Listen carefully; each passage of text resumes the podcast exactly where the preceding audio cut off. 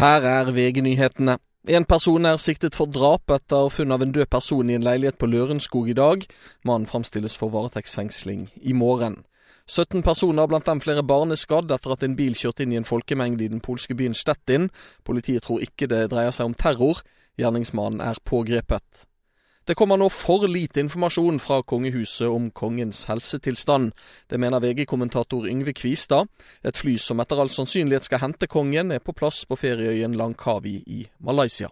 Når det flyet kommer nedover, det er jo veldig mye som tyder på at det er det som skal bringe kongen hjem, så syns jeg at det får en ytterligere dimensjon. altså Denne saken kommer over i en ny fase. Og jeg tenker at det ville vært smart av Slottet å komme med en nærmere redegjørelse om kongens uh, tilstand. Det ble trippel norsk under verdenscuprenn i skiskyting i Holmenkollen i ettermiddag. Sturla Holm Lægreid vant foran Johannes Tingnesbø og Vetle Sjåstad Christiansen.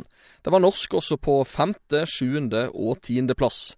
I studio nå, Thomas Alsaker. Nyhetene får du alltid på VG.